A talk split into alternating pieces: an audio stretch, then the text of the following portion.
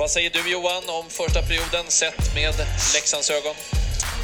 Uh, horribel period tycker jag. Uh, de ser ut som ja, världsmästare allihop där ute så det är för jävla dåligt.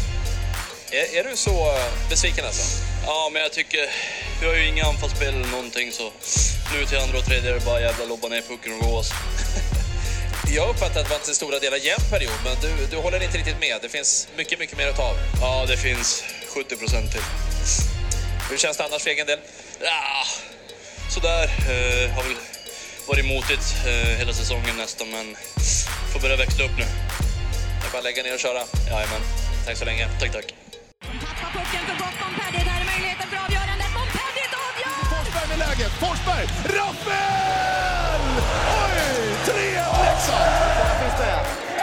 Ytterna finns med i 3-0. Leksand briljerar. Åh, oh, vad det här ska bli roligt.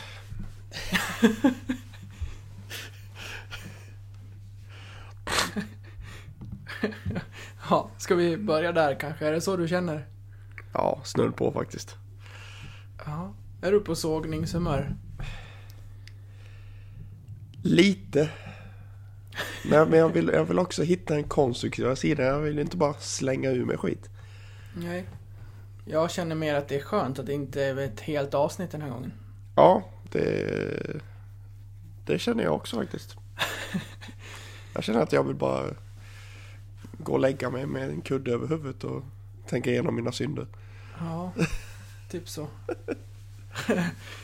Jag har stängt in mig på toaletten på nedervåningen för att hela familjen fick för sig att sova eh, strax efter nio ikväll. Så jag kunde inte sitta i gästrummet där uppe. Jag hoppas att inte, inte att det ekar och hörs för mycket. Eh, men det, det ska nog... Eh, det ska nog gå bra. Välkomna allesammans till det 40 avsnittet av den här podcasten. Det är väl ett litet eh, mini-jubileum. Ja.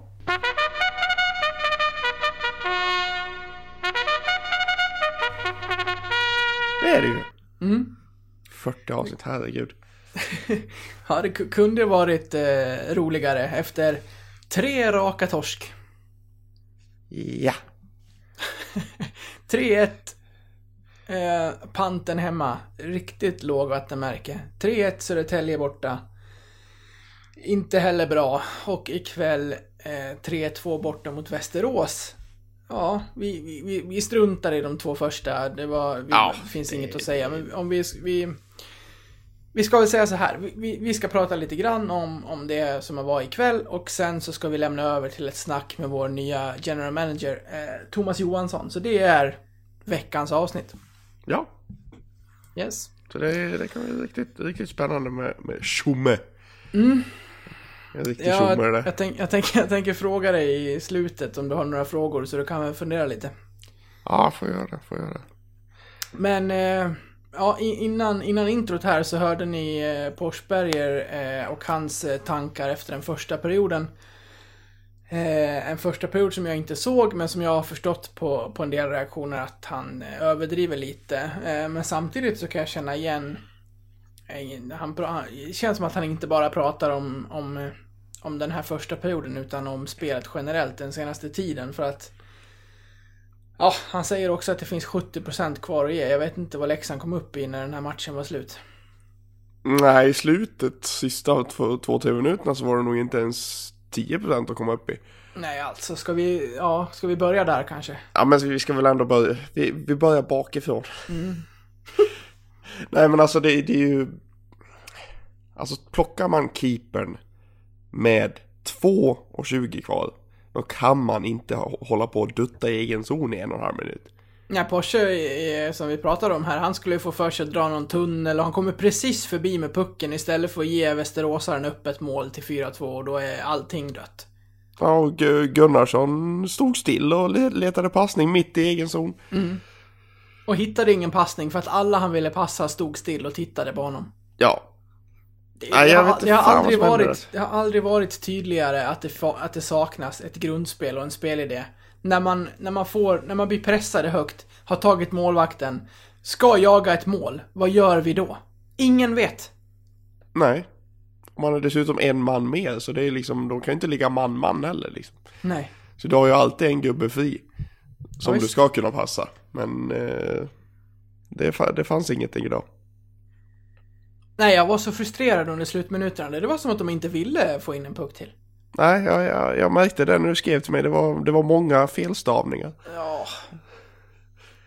Det, det, det, det märks när, när det kommer till frustration för, för oss som gillar att skriva korrekt. Då kommer felstavningarna. Ja. Då orkar man liksom inte gå tillbaka. Nej, nej men alltså det... det alltså det, det är som jag har sagt tidigare liksom. Det, har man, har man en, ingen spelidé och in liksom, om, om man vinner så, så är det fortfarande ganska okej. Och man kan utveckla det liksom. Men det är ju när man börjar förlora och fortsätter förlora och förlora flera matcher i rad som vi har gjort nu. Som det visar sig, då, då, då visar det sig den rätta sidan så att säga. Att vi kanske har tagit lite väl många poäng tidigare då. Ja, nej men lite så.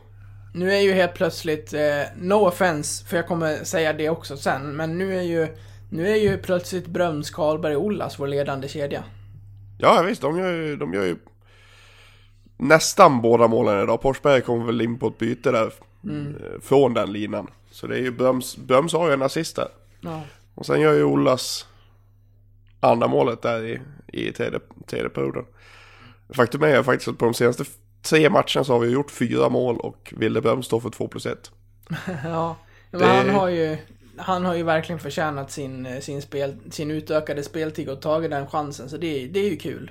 Om man ska Ja, hitta någon nej, slags ljusglimt. Verkligen, verkligen. Vi- Wilde Bröms kan bara gå uppåt nu tror jag.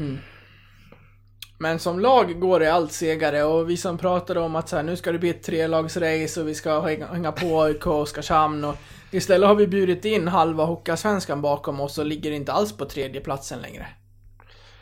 Nej, vi ligger inte ens fyra, vi ligger inte ens femma. Vi ligger Nej. sexa. Ja, Vad fan hände där? nej, det är för, ja, säg det. Det är ju tur att det är så jävla långt ner sen bara. Ja, vi har ju fortfarande nio poäng till Löven och Södertälje, men säg inte det. Det är tre, det är- det det tre, är- tre förluster till det. Precis, i det här tempot så. Ja, nej, det... Någonting måste hända. Sen vet jag inte vad, vad som är rätt väg att vandra. Det är många som pratar nu om att Leffe ska, ska få gå här, men jag vet inte. Är det rätt väg? Nej, plocka in eh, juniorer istället. Nej, nej, lite- för, förlåt lite- att jag skrattar. Var, var lite ironisk bara. Ja.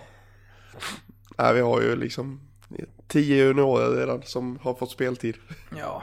Men de, eh, de eh, softcoacherna ute i landet, de har två vägar att gå. Man ska gärna göra båda. Man ska sparka tränaren och sen så ska man eh, ta in juniorer och då löser sig allting. Ja, jag såg att styrelsen skulle sparkas också. Ja, men när man frågar vilka juniorer de vill plocka upp från J20 så får man ungefär svaret att äh, någon finns det väl.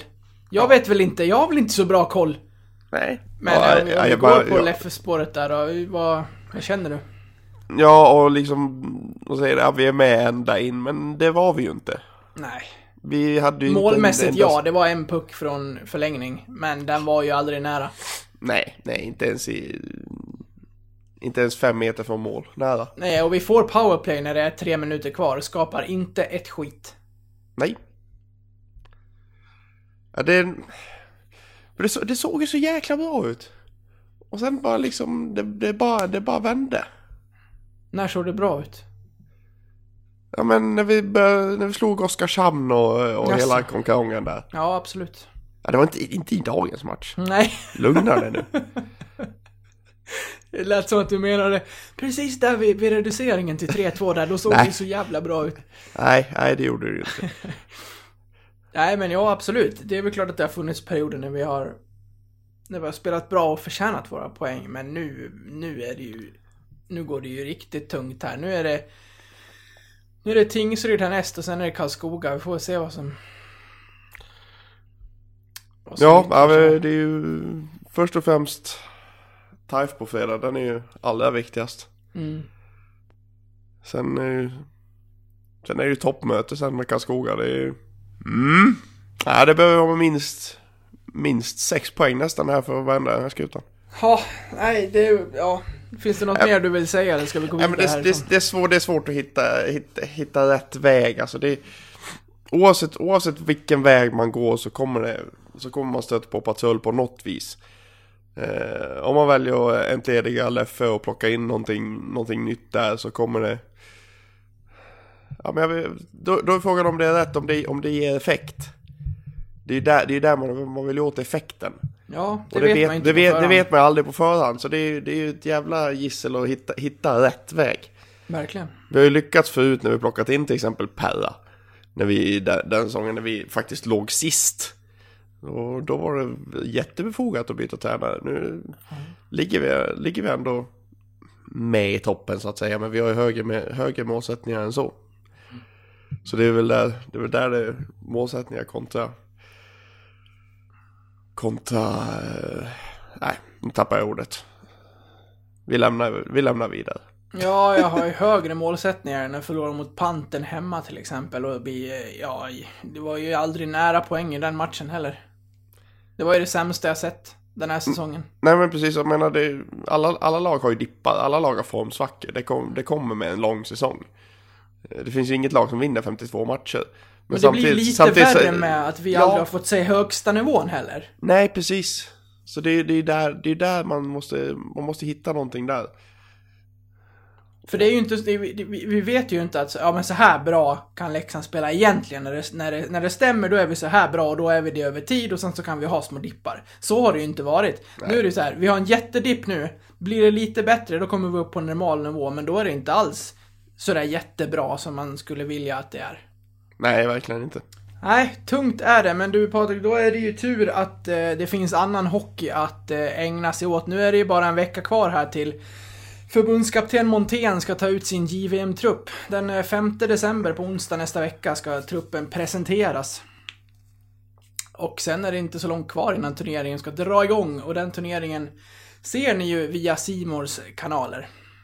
Ja, men det kan, det kan nog bli en ganska trevlig svensk trupp med, med förstärkningar från både Sverige och, och utlandet. Vi har ju bland annat eh, gamla Leksand, Rickard Hugg och Emil Bemström är ju aktuella och sen det är väl rätt höga odds på att få hem Rasmus Dahlin va? Men, eh, men, men alltså får, får man hem till exempel Erik Brännström och Timothy Liljegren så kan i alla fall försvaret i i det svenska laget se riktigt lovande ut. Och har vi, och har vi tur så kanske vi kan få hem en lirare från ditt favoritlag Anaheim också, Isak Lundeström. Så det kan, det kan, nog, bli, det kan nog bli en fin, fin trupp ändå. Ja, låt honom komma hem. Eh, Anaheim är ett hopplöst lag ändå i den här säsongen, så det... Nej, det, det kan bli kul. Det är ju riktigt trevliga tider också för en som är förälder till småbarn som går upp tidigt på morgnarna. Till exempel första matchen mot Finland där den 27 december. Då ska man ju upp i ottan och se försnacket i, i, på Simor där innan nedsläpp är halv fem redan. Och därefter följer ett par 00.30 matcher för, för Sveriges del. Ja, det, det är ju ganska svårt att hålla sig borta även fast det är mitt i natten. Alltså det är speciellt när slutspelet närmar sig. Då, då sitter man där oavsett tid på dygnet nästan. Så är det ju. Så om ni vill ta del av det här lilla extra kring JVM och följa detta eh, genom försnack, eftersnack och dylikt så kika in på simor.se och se vad just du behöver göra för att få kanalerna hem till, till dig innan det är dags för första nedsläpp där direkt efter, efter jul. Så tack till Simor. Patrik, vi är också som vanligt sponsrade av våra vänner på Betsson och senast var vi ju sådär eh, retligt nära igen att sätta vårt spel. Det blev ju en massa utvisningar mot Södertälje och Grinit och Grossman åkte ut som han skulle men eh, det var ju en detalj kvar och det var ju att Leksand skulle vinna och det var ju aldrig särskilt nära. Nej, nej det, var ju, det var ju tyvärr inte det. Eh, och det är ju det är ju en tung period men det är, det är som alltid, man är ju lite av en obotlig optimist. Det är någon psykisk sjukdom man har. Så, så nu vänder det ju. det är klart det gör det. Nej. Som sagt, gärna tre poäng mot Tingsryd på fredags, men absolut senast mot Karlskoga hemma på söndag.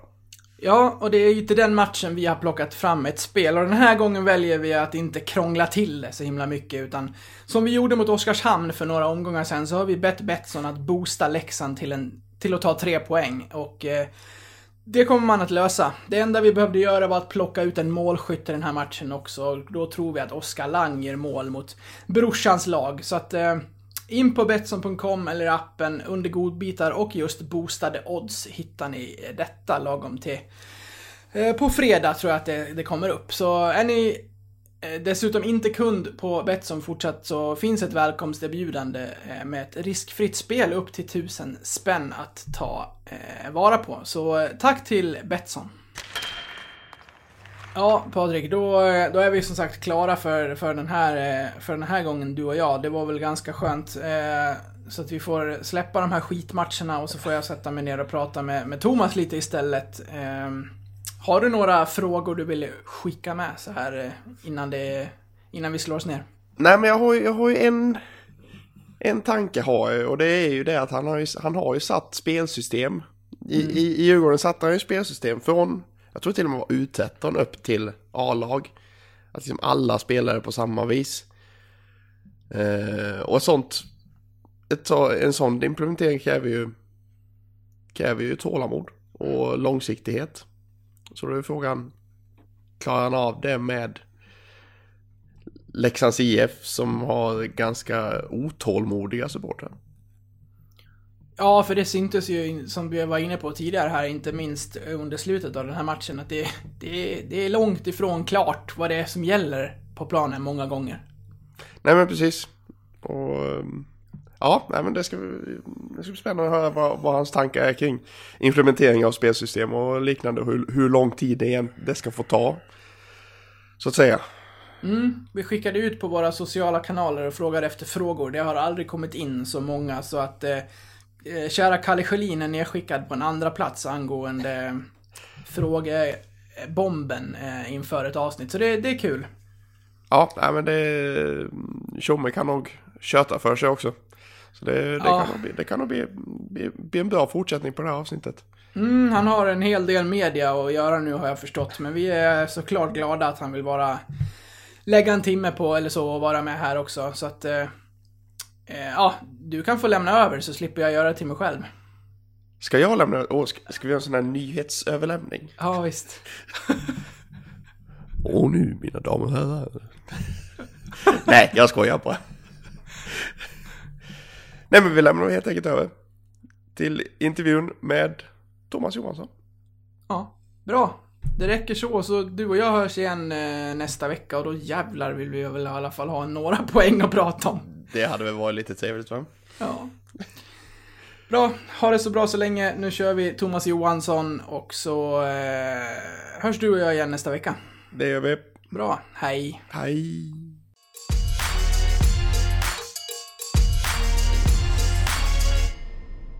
Thomas Johansson, välkommen till podcasten. Tusen tack, tusen tack. Hur eh, mår du en eh, torsdag som denna? Jag är ganska trött efter en lång arbetsdag. Så kan man väl säga. Jag kan tänka Det mig det. var, det var, var tidigt i morse och det var ganska sent hem. Så att, eh, nej, men jag känner mig ganska mosig just nu när vi, när vi sitter här. Gör jag. Är det, är det hektiska dagar? Ja, det är så mycket nya intryck. Det är framförallt det. Det är ju mycket nya människor och man ska försöka sätta sig in i, i allt möjligt och sånt där. Så att det, det är väl det att det är mycket nya intryck hela tiden som, som dyker upp som också kostar på lite grann. Har du redan fått eh, ta del av det, det hockeyintresserade folket på Hemköp och, och sådär? Ja, jag har inte varit så mycket på, på eh, stan sådär och, och hängt men jag var ju nere i Västerås igår och då, då var det väl ett antal som kom fram och gratulerade mig till jobbet och önskade mig lycka till och lite sådana saker. Så att eh, intresset eh, märks absolut, det gör det. Ja. Bor du på, på, på campingen än, annars? Ja, ja precis. Jag håller till ute på Strand heter det va, tror jag. Leksands strand. Ja. Hur, trivs du där?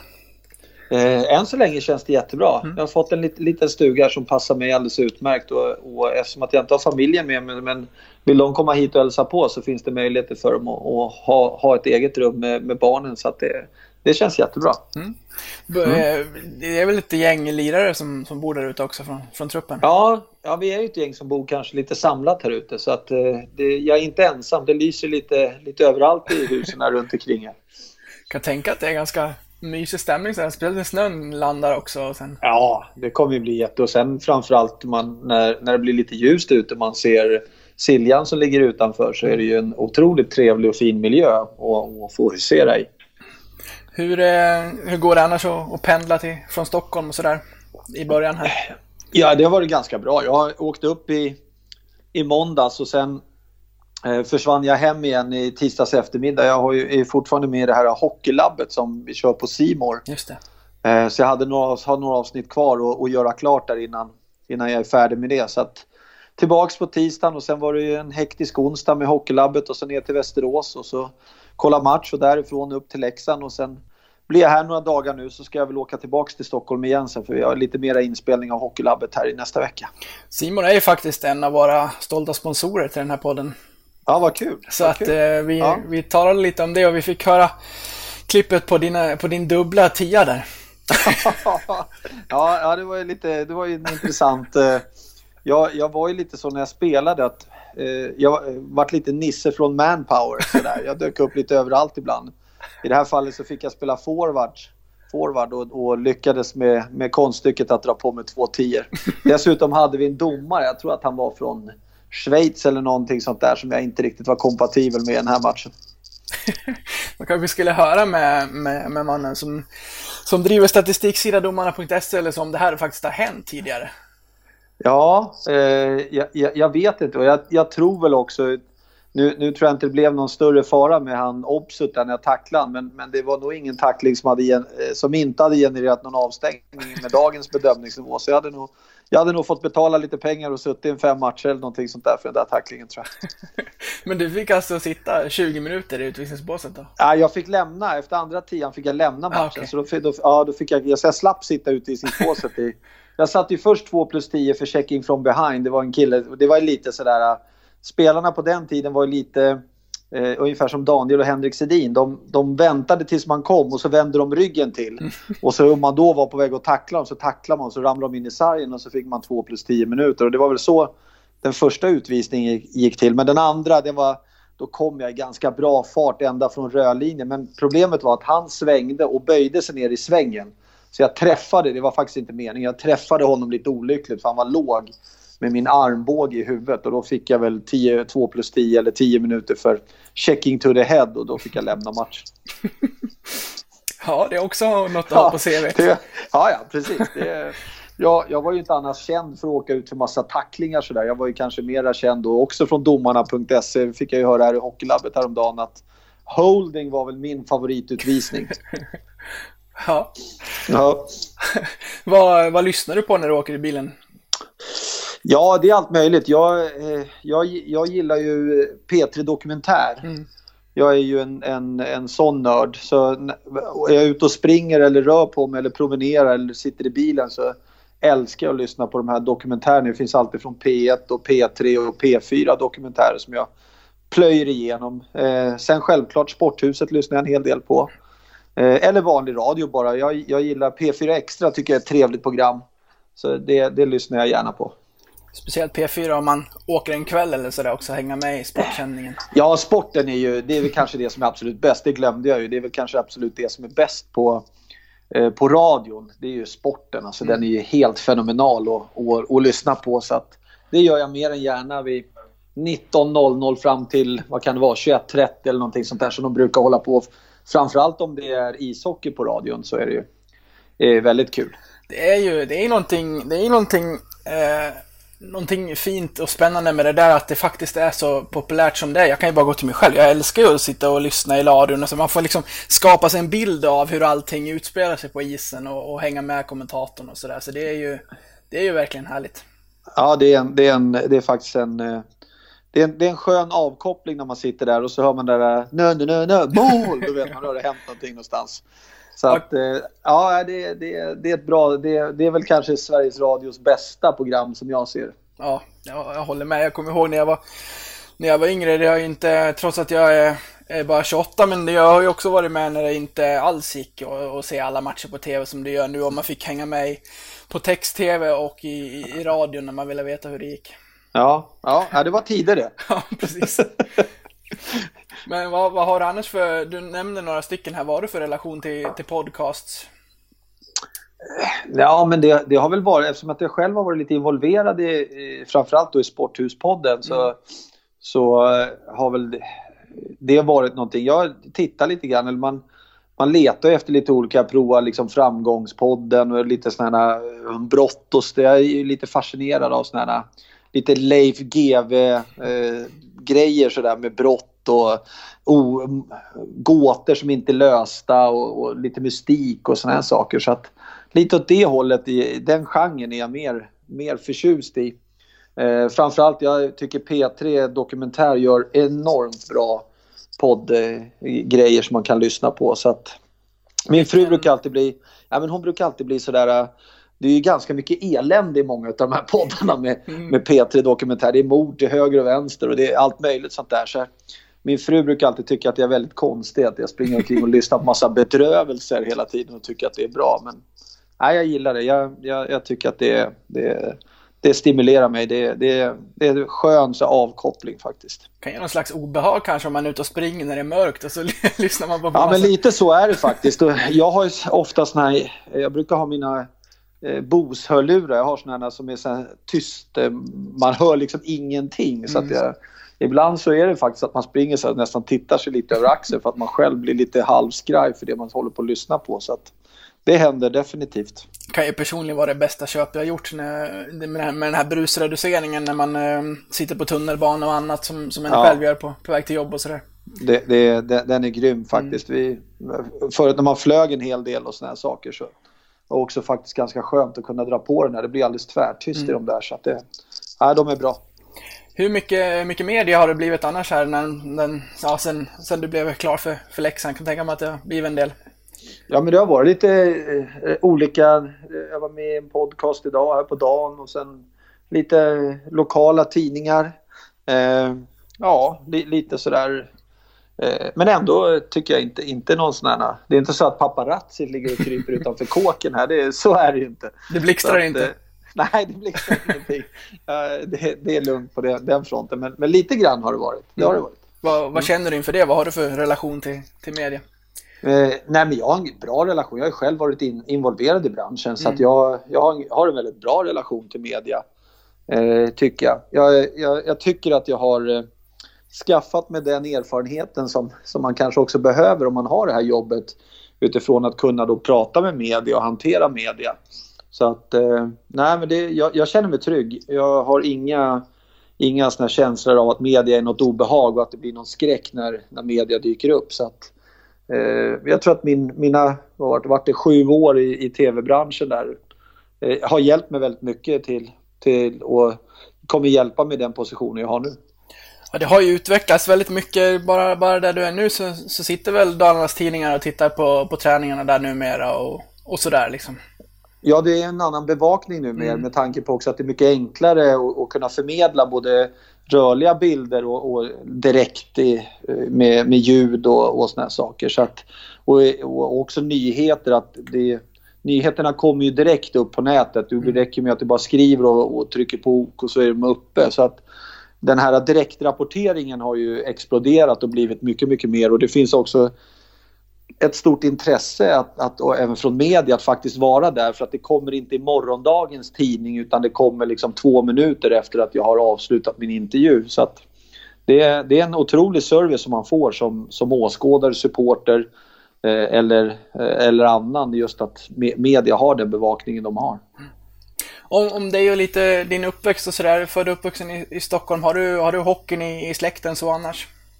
Nej, det har jag faktiskt inte. Jag har eh, musiken i släkten. Min, min far var musiker. Han, han eh, spelade i lite olika band under min uppväxt. Så Att musiken var, var, var väl det som, som jag växte upp med. Eh, inte hockey självklart spelade jag. Jag började, spela, jag började åka grillen när jag var tre år och började spela i, i lag runt sexårsåldern nå- någonstans där ute i Vändelsö som ligger ungefär ja, två och en halv mil vad, vad blir det, ner mot Nynäshamnshållet ifrån Stockholm sett. Vad, vad blir det? Det blir väl lite sydöst eh, if- ifrån Globen.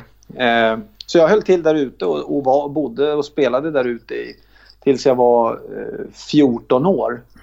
Eh, då lämnade jag och flyttade till Djurgården och spelade i deras U16-lag. gjorde jag. Och blev där väldigt länge. Ja, eh, jag var där i ganska många år innan jag fick för mig, eller fick... Jag, jag styrde, på den tiden så var det ganska vanligt att de här lite etablerade klubbarna som Djurgården och AIK hade samarbetsklubbar. Farmaklubbar eller ja, samarbetsklubbar. Och då var Nynäshamn som låg i division 2 en sån klubb. Så Jag hade spelade något år där i J20, J20-laget där vi vann något J20-SM eh, på den tiden och eh, efter det året så flyttade jag ner till Nynäshamn och så spelade jag ett år i seniorhockey. Det var div dåvarande division 2, det är väl ungefär som division 1 nu då. Eh, och, eh, och sen så därifrån sen flyttade jag upp till eh, Nacka som också var en samarbetsklubb med Djurgården. Eh, och, och spelade där i två säsonger innan jag hamnade i Djurgårdens A-lag. Och om vi, ska, om vi ska ta den kort så har du varit i Linköping också, och, eh, men du har också gjort den infekterade övergången till, till Gnaget. Ja, jag är väl en av få kanske som har lyckats med att ändå in, inte få jättemycket skit för det. Och det, var, det fanns ju en, en, min fru vart ju väldigt allvarligt sjuk när vi var i Finland på den tiden. Och, och eh, vi var över och spelade i Jokerit men, men så var hon tvungen att ligga på sjukhus i Stockholm under en längre period och då, då hade Jokerit och AIK ett samarbete. Hade de. Det var ju ägarna Jallis Harkimo i Jokerit som också var ägare till AIK. Eh, och eftersom jag då var i Jokerit och inte kunde vara i Finland och så fanns det en kille som hette Ray Giro som spelade i AIK på den tiden. Så då bytte vi eh, eh, rakt av. Så att, eh, jag flyttade och började spela AIK han flyttade över och började spela i Jokerit. Så att det, det, fanns liksom lite omständigheter också. Det tror jag folk hade en ganska stor respekt för. Mm. sådär. Hade det bara varit random att jag hade hoppat över så hade jag nog fått betydligt mera hett om öronen eh, på den tiden. Ja, det låter ju som att ni löste det där på ett, på ett bra sätt. Familjen måste ändå gå först och kunde man göra det med hockeyn då, då, då var ju det en bra lösning. Ja, och alternativet jag hade var ju egentligen att jag skulle sluta spela den mm. säsongen för att det inte gick. Vi hade ju våran, eh, våran äldsta son då, eh, Simon, på som, som fanns med i bilden. Så att det var ju inte bara jag själv utan det var ju liksom barn och, och hon skulle ligga på sjukhus och med allt vad det innebar. Så att det, det, var, det var den lösningen som fanns på bordet och det var den lösningen som, som, som vi tog och, och, och, alternativet var ju kanske att ställa in den säsongen och inte spela något mer på, på vårkanten utan satsa vidare då säsongen efter. När, eh, när egna Eh, karriären på skridsko började gå mot sitt slut, var det självklart att du skulle arbeta med, med ishockeyn även efter eller hur gick dina tankar? Eh, jag började ju eh, i sluttampen på min hockeykarriär när jag flyttade tillbaks till Stockholm ifrån Linköping 2006 så eh, vart jag tillfrågad det slutspelet där. Vi gick inte till slutspel med Djurgården, tror jag, mitt första år. Eh, och då eh, frågade man från kanal 5 om jag ville vara med och jobba med hockeyslutspelet. Eh, så då hoppade jag på och fanns med i, i hockeyslutspelet och så gjorde jag även det året efter när, när vi inte längre var kvar. Vi åkte ut i kvartsfinal tror jag mot Linköping så då hoppade jag in och körde slutspelet igen. Så det vart ju en liten så naturlig övergång då när jag kände att Nej, men nu är jag färdig i rinken, nu, nu behöver jag göra någonting annat och då, då fanns TV där. Så då hoppade jag in och så började jag jobba på TV på en gång och körde ju någon match i veckan eh, direkt efter. Så, så det fanns liksom en, en... Jag behövde inte fundera så mycket på vad jag skulle göra när, när jag hade lagt skridskorna på hyllan utan det, det, det kom liksom naturligt. Och, mm. och efter det sen har man varit kvar i, i, i branschen. Jag berättar lite, lite om, ditt, om ditt arbete i Djurgården sen du, sen du själv slutade spela. Ja, jag, jag, var ju, jag var ju eh, teknisk sportchef som det kallades för i, i, i Djurgården. Och, eh, mitt ansvarsområde var ju egentligen att, att bygga ett sätt att spela och träna eh, på ifrån A-laget ända ner till U13. Eh, och, eh, och sätta ihop hela den delen att vi hade ett framgångsrikt spelsätt, vi visste hur vi skulle träna och att alla lagen följde den planen. Så att jag, jag for väl liksom emellan de här lagen med att träffa tränare och såg till att, att vi, vi höll oss till det vi hade kommit överens om. Eh, så det var väl egentligen min, min, eh, min huvuduppgift som jag hade och mycket av tankarna som jag, jag, fick i min skalle det var ju oftast, eller det var ju från när jag satt och jobbade med TV att jag tänkte att oj då, men så här skulle man kunna göra och det här är bra och det här är bra. Och på den tiden så Djurgården hade liksom ingen föreningsägd spelidé utan det var tränarnas spelidé. Utifrån det så, så vart det en ganska tydlig bild av att om vi bygger ihop det här så blir det en föreningsägd idé och då står man inte och faller med att en, en tränare inte ja, men tränare kommer och går lite grann. Eh, precis som spelare. Så att det, det, var väl att försöka stabilisera upp en förening så att inte man hängde på en enda person hela tiden. Mm. Hur, hur var den, den tiden? Eh, jättebra. Eh, det var jättekul var det. Eh, I början så var det ju lite så sökande, kommer att funka, lite oro. Men, men när man märkte sen också att det började falla på plats och att det började gå liksom åt rätt håll så, så var det ju enormt roligt. Det var en sjuk tillfredsställelse framförallt förra säsongen att se hur vi liksom verkligen fick ut allting som vi hade byggt under ett antal år. Och, och att Djurgården som målet var liksom att förflytta Djurgården ifrån Ja, kom ju upp från Hockeyallsvenskan, hamnade i botten av SHL och försöka liksom etablera Djurgården till det, det topplaget som jag någonstans ändå är uppvuxen med när det gäller Djurgården. Så, så att eh, det var en otrolig tillfredsställelse att se att vi lyckades med det. Jag såg en eh, pausintervju med, eh, med Emil Bemström här för någon vecka sedan. Eh, han Mm. fick frågan varför det går så bra nu i jämförelse med hur det gick i Leksand, trots att han har gått upp en division. Och han svarar att, eh, bland annat att nu har han en klarare bild av sin roll i laget. Hur, hur viktigt är sånt för spelarna, att veta vad det är de är, men vad, de, vad, vad, vad som väntas av dem och vilken roll de har? Ja, men det är, det är väl jätteviktigt. Alltså alla hockeyspelare som är tveksamma och, och funderar ute på banan är dåliga hockeyspelare om man ska generalisera. Eh, en hockeyspelare som vet vad han ska göra, som är tydlig i sitt agerande, som har några få direktiv att förhålla sig till och, och egentligen inte behöver tänka så mycket utan mer bara låter saker och ting hända. Det är bra hockeyspelare. Så att det är självklart viktigt att det finns en tydlig plan, det finns en tydlig struktur. Eh, spelarna har sina roller där de vet att det är det här som jag är bra på. Som i Bemströms fall, ja, men jag, han har ju inte kanske bidragit sådär jättemycket i spelet 5 mot 5 men han har ju hittat sin Eh, powerposition eh, i, i powerplay med att stå på vänsterkanten och dunka in massa direktskott och det är han ju fenomenalt bra på. Så att eh, det är klart att, att, att ju mindre otydligt det är för spelarna ju lättare är det för dem att agera istället för att reagera på saker och ting som händer ute på isen. Och, och då blir de inga tänkande hockeyspelare för då är man långsam om man åker omkring och funderar på vad man ska göra. Det finns ju fler exempel från, från förra årets trupp. Olle Alsing hade ju en tung tid i slutet där och nu pratas det nästan landslag om honom efter det fina han har gjort i Djurgården. Ja, och det, det var väl... Eh, jag, jag får väl ta på mig lite den värvningen till Djurgården faktiskt. Det var, det var lite jag som, som sa till Jocke efter jag hade tittat på Olle, vi hade honom under luppen lite grann. Vi hade faktiskt honom redan under luppen när Leksand tog honom Okej. första gången ifrån Almtuna. Eh, så hade vi lite planer på att vi var lite nyfikna på honom. Men då, då tog Leksand honom istället och så fick han vara i den miljön ett tag. Och, och sen så sa jag till Jocke vid något, något tillfälle att eh, när vi hade tittat på Olle så sa jag att Jocke, hon- han, det kommer funka för honom i SHL. Så, och efter det sen så skrev Djurgården ett avtal så det var väl lite mitt fel också att han kanske hamnade där han hamnade. Men, nej, men han hade ju de, de grejerna som vi tyckte man behövde ha. Eh, sen eh, varför det inte funkar Leksand, det kan liksom inte jag svara på. Det har inte jag en aning om. Men, men ibland är det så där med spelare också att man kommer till någon miljö, man känner på ett visst sätt, det funkar på ett visst sätt och, och, och det passar spelarna som handen i handsken. Och det är ju det som är lite när man försöker värva spelare. Att man vill ju att spelaren ska försöka passa in i, i det mönstret man har och utifrån det kunna spela sin bästa ishockey och blomma ut. Eh, och det var väl det som hände lite med, med Olle.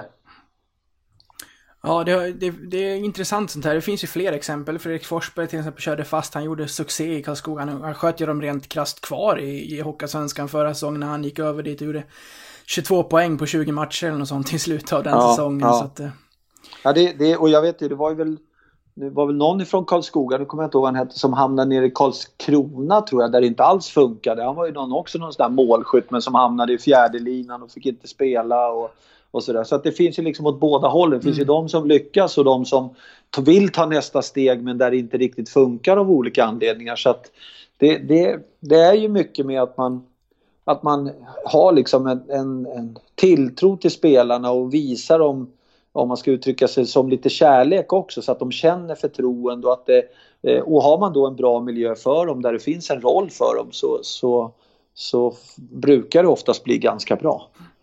En, en väldigt öppen fråga då. Vad, eh, vad betyder det för dig att, att sätta en spelidé? Ja, men för mig så betyder det tydlig struktur eh, på vad man ska göra. Mm. Eh, att man inte håller på med för, för, för svajar mellan olika saker utan man bestämmer sig. Det här är det vi ska göra. Det här är en idé vi har och strukturen ser ut så här. Eh, och, så, och sen i den strukturen så får man vara ja, hur, hur liksom kreativ som helst. Men, men strukturen måste finnas där. Så att, Eh, det är väldigt mycket, och det gäller i alla ändar. Det gäller liksom i hur man bygger en anfallsstruktur eller en anfallsstrategi till hur man bygger en försvarsstrategi och, och så har vi mittzon däremellan. Hur ser den strategin ut? Hur ser det ut när vi vinner pucken och har pucken? Hur gör vi då? Och hur ser det ut när vi förlorar pucken? Vad gör vi då? Alltså de tydliga ramarna be behöver man ha när man bygger en spelidé. Mm. Hur, hur, går man tillväga rent konkret? Kommer du till exempel, om du vill vara med i det här, kommer du, kommer du stå på isen eller hur, eh, hur funkar det? Nej, det, det är tränarnas uppgift att, att driva liksom isdelarna. Utan mm. det, det, det man kommer att göra, eller det vi, det vi vill göra i Leksand, det är ju liksom, vi måste ju också känna in allt det här. Var befinner sig Leksand idag? Det finns jättemycket saker i det man gör idag på isen som, som är bra. Och det ska man ju utveckla och försöka göra ännu bättre. Eh, och sen det som man känner, det här behöver vi, vi, vi titta mera på. Och så får man göra det. Men det är ju ett jobb man gör tillsammans med tränarna och det är de som driver det här. Det är de som står på isen. Det är de som ser till att spelarna följer den gameplanen man har satt upp. Men att jag finns med som ett bollplank och stöttar och, och försöker komma med liksom mina ögon och idéer och tankar på vad jag ser. Men aldrig någonting där man kör någon one man show och det är min väg eller ingen. Utan Eh, att, att göra någonting i idrottsrörelsen, eller i det här fallet i Leksand, det är ett lagarbete. Eh, man behöver alla och man måste göra alla delaktiga. Eh, och sen viktigast av allt så måste man hitta också en Leksands identitet på det här. Men vad ska Leksand stå för i, i, i, sitt, i sitt lag? Jag kan, om, om vi tänker oss en parallell då till Djurgården, ja, men hur, hur ska inte vi kunna vara en en blek kopia utav ett eh, eh, Skellefteå eller ett Frölunda. Vad blir Djurgårdens identitet någonstans i sitt sätt att spela? Och då, då hade, hittade vi det här att vi också ville vara väldigt fysiska. Eh, så vi skulle ha en Henrik Eriksson som fick faktiskt åka över och köra över folk till höger och vänster. Vicka Len likadant. Ja men då var det lite Djurgårdsidentiteten, järnkaminhockeyn men den var invävd i massa andra, typ delar av Skellefteå, delar av Frölunda, delar av Växjö. Men det fanns ändå en, liksom en Djurgårdsidentitet som folk som var på läktaren kunde identifiera sig med. Eh, och det tror jag också är viktigt här i Leksand. Och jag, inte, jag har inte varit i den här föreningen så att vad är Leksands identitet är, det är någonting som vi måste liksom någonstans verka fram tillsammans. Mm. Alla ledare som finns i Leksand och med den ja, erfarenheten och, och, och hockeykulturen som många av de här killarna som rör sig i, i korridorerna här i Leksand besitter. Så att eh, det ska bli spännande. Jag är jättenyfiken på att se vad vi kommer komma fram till. Det är spännande det där och det, det är ju det är ju någonting läckert när, när alla drar åt samma håll och verkligen vet vart man ska. Jag tänker till exempel på, på det där otroliga kvalet mot Modo. Um, mm. De matcher Leksand förlorar så förlorar man med 5-1, 4-1, 7-1 eller något sånt där tror jag. Vi är helt ja. utskåpade i en av matcherna uppe i Övik och tänkte att nu är det här över. Men, men det var liksom, för varje ny match så, så hittade man liksom ny energi tillsammans och man tog sig igenom det där och till slut så vann man fyra av, av, av de där matcherna. Det var ja. ju helt ja, det var magiskt. en, en enorm bedrift alltså utifrån. Jag såg ju de där matcherna och jag tänkte bara, ska det bli 3-0 eller ska det bli 4-0 till Modo eller ska det bli 4-1 till Modo i matchserien så att säga. För det, de var ju helt överlägsna inledningsvis. Mm. Men Leksand hittade en väg att vinna. Man hittade att få ihop gruppen och, och, och, och få alla att, att, kriga för varandra, att täcka skott, att kämpa, att aldrig ge upp. Jag tror man låg under med 3-1 i sista matchen där uppe, den avgörande och hämtar ikapp till 3-3 och får en sadden. Och liksom där ja, vad fan, det är klart som fasken med den det stimmet man var inne med så var det väl självklart också då att man skulle slå spiken i kistan för Modo. Så att, eh, det var en häftig, häftig bedrift eh, måste jag säga. Ja, Utifrån ju... hur, hur, hur, det såg ut rent spelmässigt så tyder väl det på att det spelar väl egentligen så stor roll. Om laget bestämmer sig och laget jobbar tillsammans så kan det förflytta det, det mesta. Ja, det är, ju, det är ju mäktigt. Jag tror att det var Jon Knut som hade sagt det i omklädningsrummet inför tredje att eh, den här resan är ju redan galen och magisk som den är. Men det ger, det ger någonting extra att vi ligger in under med 3-1 inför tredje. Nu går vi in och vänder på det här. Ja, ja och det gjorde man. Mm. Mm. Hur, hur viktigt är det att, att jobba in en spelidé redan från juniorleden, vilket jag har förstått att du, att du är för att göra? Ja, det, det, handlar ju kanske inte om att, att, att jobba in utan det handlar ju mer om att lägga en tydlig plan för hela föreningen och sen mm. så ser man till att alla lagen på sin nivå jobbar utifrån de ramarna som man har bestämt. Eh, så att eh, det är viktigt att alla följer planen för att eh, någonstans är det också spelarna sen som ska verka i det här att det ska bli tydligt för dem att det, att det, är, inte, det är inte någon större skillnad av att spela i J18 eller J, J20 rent spelidémässigt. Eh, och, och, och, det gör att spelarna också känner en trygghet i att de faktiskt kan gå emellan lagen. Precis som en U16-spelare ska känna sig trygg med vilken typ av spel man har när han spelar med J18 för att om han känner sig trygg då kommer han att kunna leverera på den nivån som man vill att de ska leverera. Istället för att han behöver åka och fundera på om han gör rätt eller fel, om det var bra eller dåligt. Utan då, då känner man sig trygg. Och likväl då för en J18-spelare till J20 och en J20-kille upp till ett A-lag. Så att, mm att hela den här kedjan hänger ihop det är, det är jätteviktigt för att, för att man också ska få full effekt på det man håller på med. Hur, eh, hur svårt är ishockey om man får ställa en sån öppen fråga? Jag tänker på de som tänker att hur, hur svårt kan det vara? Pucken ska i slutändan in mellan stolparna fler gånger än, motståndaren. Ja, det, det är... Eh, ja, hockey är galet svårt. Eh, det finns så sjukt mycket parametrar. Alltså jag tror att jag vet inte, det var någon utav de här större, jag vet inte vilken det var, men de gjorde någon sån här mätning av världens svåraste sport. Eh, och då tror jag boxningen kom som nummer ett och man, man, väger in massa olika parametrar här. Det är fysiskt, det är mentalt, det är allt möjligt sånt där. Eh, jag tror att boxningen var den vart klassad som den svåraste sporten och så tror jag faktiskt att hockeyn hamnade som nummer två. Mm. Mm. Så att hockey är svårt. Det är, du balanserar på av hur bred är skenan. En halv centimeter. Du, du eh, har ett halt underlag som du åker på. Du har en puck, du har motståndare, du har eh, en arena att förhålla dig till, du har en viss yta att förhålla dig till. Eh, du har verktyg i form av klubbor. Eh, ja, men det, det, finns så många element som gör att hockey är, är så fascinerande men också samtidigt en väldigt svår idrott att utöva. Eh, så att eh, ja, ja det, nej, det, det, det är inte så enkelt som det ser ut att bara ut på isen och försöka få pucken i mål. Det, det, det, så funkar det inte riktigt. Hur, eh, hur är din relation till, till Hockeyallsvenskan? Eh, ja, jag har faktiskt inte haft så mycket med Hockeyallsvenskan att göra rent, rent generellt. I år har det ju varit så att jag har ju min, min stora son spelar ju Almtuna så att jag har ju följt Hockeyallsvenskan egentligen från det att det började. Mycket tack vare att då Simon spelar där. Så att, så att eh, i år är väl det jag har sett mest utav Hockeyallsvenskan. Annars har jag mest tittat lite då och då sådär. Lite spännande, roliga matcher. Eh, men men huvud, huvuduppgiften har ju varit att följa SHL och, och, och Djurgården så att säga under, under mina senaste tre år. Mm. En, eh, om vi ska ta den bara, en, en trevlig eh, säsongsstart för Djurgården ändå. Jag tycker att de spelar en väldigt eh, underhållande och trevlig hockey att titta på.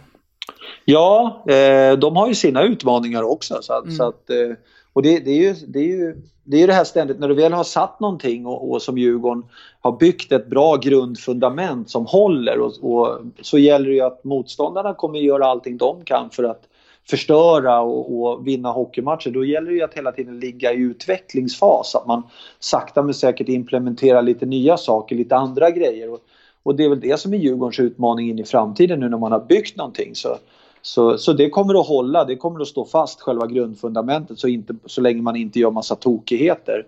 Men utifrån det sen så gäller det att bygga den här lilla balkongen så att det ser lite snyggt eller ta upp det här fönstret som gör att huset ändrar lite form och, och, och blir ännu liksom mer attraktivt och ännu bättre. Så, så att eh, ja, det, det, det, ska bli spännande att följa deras utveckling faktiskt. Vad, var de kommer att landa in i slutändan. Då ska vi gå in på den här poddens lag tänkte jag. Till sist. Mm. vad, ja. vad, var din spontana tanke först när, när Leksand hörde av sig? Eh, jag, jag, jag varit smickrad blev jag. Eh, Leksand är ändå en sån anrik förening med en sån e-, enorm hockeyhistorik. Så att eh, det, det, var klart att jag, jag kände mig smickrad. Eh, det gjorde jag. Eh, eh, glad också. Det var kul att de hörde av sig. Eh, jag har ju egentligen inte haft någon sådär som har hört av sig till mig sen jag slutade med, på mitt förra jobb utan jag, jag har liksom fått, fått eh, köra lite där med Hockeylabbet och, och lite sådana saker så att jag har varit väldigt glad att de hörde av sig. Konstigt tycker vissa experter. Jag hörde Wikegård sa att Brynäs borde ha ryckt i dig. Det är ingen, ingen, ingen annan klubb som har velat ha dina, ja, Nej, din hjälp. Nej, jag, jag, eh, ingen sådär som har hört av sig. Jag, jag hörde av mig till några klubbar här under sommaren för att undersöka deras, deras intresse men det var faktiskt ingen som var intresserad så att sen efter det sen har det varit ganska tyst. Okej, okay, det, det tackar vi Mm. för. Ja, ja precis. vad, vad hade du annars för, för relation till Leksand som, som klubb under, ja, både när du var aktiv och därefter? Ja, men en, en klubb som eh, alltid var rolig att spela mot för det var väldigt rolig ishockey när man spelade mot Leksand. Inte bara hockey på isen men även inramningen runt omkring. Det var ju alltid slutsålt i, på Globen när man spelade mot Leksand. Så att, eh, ut, utifrån det så, så har jag bara positiva minnen. Förutom när vi var här uppe i Leksand och spelade en gång med Djurgården. Vi, vi förlorade med 10-1 tror jag och det slutade med att Tommy Söderström, jag tror vi hamnade under med 6-1 eller något sånt där. Och Tommy Söderström väljer att ta en timeout utan att tränaren visste om det. Så att han och Tommy åkte fram, jag tror det var jag och Björne Nord som var inne på isen och Leksand gjorde om det var. Eller vi hade det var hönsgård i våran zon i alla fall och Tommy lyckades väl blockera pucken. Och då åker han raka vägen ut till Thomas Kuben Andersson som dömde matchen och sa Kuben, vi tar timeout för i helvete. Och sen åkte han bara rakt till båset. Eh, och när vi kom till båset så stod Mats Faltin i bås och frågade Tommy, vad är det som händer Tommy? Jag har för fan tagit en timeout, det ser för jävligt ut. Eh, Så att eh, det var väl den gången jag tycker det var minst trevligt kanske att vara i Leksand. det var så dags då. Ja, det var så dags då. Det, låg en, det, det var så här konstigt, för jag tror att det stod, det var, det var ganska jämnt långt in i matchen sådär. Men rätt vad det var så, så började allting studsa in bakom, bakom våran kära målvakt. Och han var nog ganska frustrerad, frustrerad han också. Så han, han tog saken i egna händer och tog en egen timeout mitt i match. Om, eh, om jag ber dig själv beskriva din, din roll som du har fått nu, hur, hur låter det då? Eh, ja, men jag är ju eh, ja, ansvarig för hela den sportsliga delen i Leksand egentligen. Att se till att, att vi bygger ett bra grundfundament in i framtiden. Att också se till att vi, vi går i takt och drar åt samma håll. Eh, att det finns en tydlig plan att jobba utifrån och, och, och att vi ska försöka så mycket det går vara långsiktiga i den här planen. Eh, så det är väl lite, lite det som är, kommer vara min huvuduppgift. Att försöka lägga en plan tillsammans med de ledarna som finns i Leksand idag. En Leksandsplan. Eh, och sen se till att vara den här lite övervakaren som ser till att vi faktiskt följer det här. Och i den, när det väl är satt, och så att börja titta på hur utvecklar vi den och hur jobbar vi vidare med den. Så att det är väl min huvuduppgift ifrån det. Sen självklart till det så kommer ju också det här med att ja, hur, hur, hur ska vi fylla lagerna med spelare och vilka ledare och alla sådana här saker. Men det, det är mera en, en del som kommer med jobbet för att man måste ha ett lag på benen. Så att den stora uppgiften är ju att lägga den här planen. Vad tycker du om att bygga spelartrupper och så?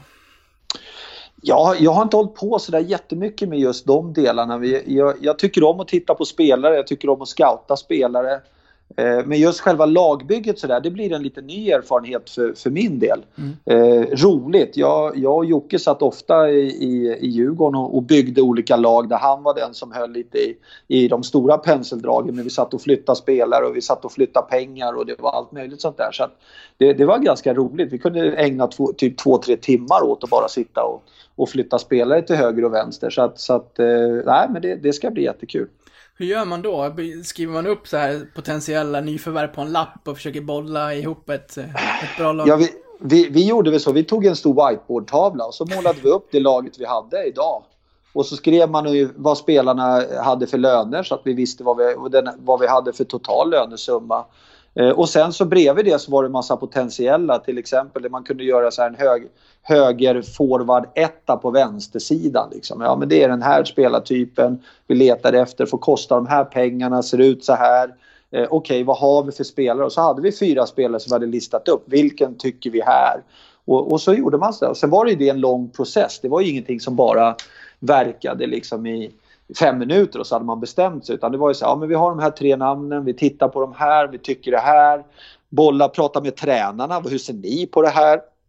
Så att vi drog upp de stora, eller Jocke framförallt drog upp de stora penseldragen. Och, och sen så förde vi resonemanget och till slut så landade man in i det är den här spelaren vi vill ha. Alla vi är överens om, vi går för den här killen. Och så körde man liksom. Det, det var ungefär så det, det själva liksom, den delen gick till. Och då, då gäller det ju att man, man någonstans också är noggrann för det är ju ganska mycket pengar man investerar i spelarna. Så att det går ju inte bara att, att äh, vi tar honom och ah, sådär. Utan det, det ligger ganska mycket jobb bakom varje värvning, det gör det. Är du eh, hård i löneförhandlingar? jag är nog ganska dålig på alla tror jag rent generellt. Jag är, jag är nog lite för snäll där. Jag, jag, sen är man ju sådär, om man tittar på mig själv så är man ju aldrig sådär för att man älskar det man håller på med. Så man, man, man, eh, man är nog lite för dålig på det där. Nej, men jag, jag, jag, jag tror ju också lite grann och, och, och jag har uppfattat Leksand lite också den här att att, att man är ju flera om det här. Det är ju inte bara en som sitter liksom och kör hela racet utan man, man är flera som, som hjälps åt och drar den här biten framåt. Sen är det kanske jag som i slutligen säger så här, ja okej då kör vi på den och tar och har liksom det sista beslutet. Men jag kommer ju involvera ganska många i den här processen kring det här som har ett bra hockeyöga och som känner mycket folk i Hockeysverige så att man kan göra bra scouting på spelare. Eh, så jag, jag, jag är inte speciellt orolig för den delen faktiskt. Och vad tycker du om den trupp som, som Leksand består i idag? Personligen innan, innan säsongen skulle dra igång så tyckte jag att det... Eller det tycker jag fortfarande, att det är, det är en intressant trupp. Man värvade spännande och plockade in eh, ett par målsprutor som redan var i Sverige och, och så som man kanske saknade förra säsongen. Ja, men jag, jag tycker man har, har ett, ett, ett bra lag. Mm. Eh, jag tycker man har ett, ett eh, lag som spelar bra med pucken. Du får säga vi om du vill. Ja, jag, jag, tycker att vi har ett bra lag. Jag tycker att vi har ett... Eh, jag har inte riktigt kommit in i det där jag förstår att man är här. Det, men jag tycker också att vi har eh, spelare som är skridskostarka. Eh, jag tycker att vi har fysiska spelare. Jag tycker att vi har bra målvaktsspel. Eh, så att jag, alla ingredienser känns det som finns där. Eh, det gäller ju bara att man, man får ihop det. Det är ju mera det som är lite Leksands nyckel att vi liksom någonstans hittar den här gemensamma nämnaren, precis som du pratade om i Modo, att få det här till en grupp, ett lag, slåss för varandra, kriga för varandra.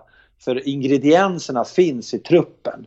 Så att eh, det handlar mycket om ett, ett lagbygge och sen också förbereda oss, träna bra, träna fysiskt, våga träna hårt. Visst, det kommer kosta ibland att vi kommer förlora någon match här och där men eh, om man tänker sig så att man varje träning som man gör är liksom någonstans att man sätter in på banken för att man ser, sen när det väl börjar gälla ska kunna börja plocka ut pengarna. Så att man, man får se det liksom som en investering in i framtiden på all, allt det här vi gör.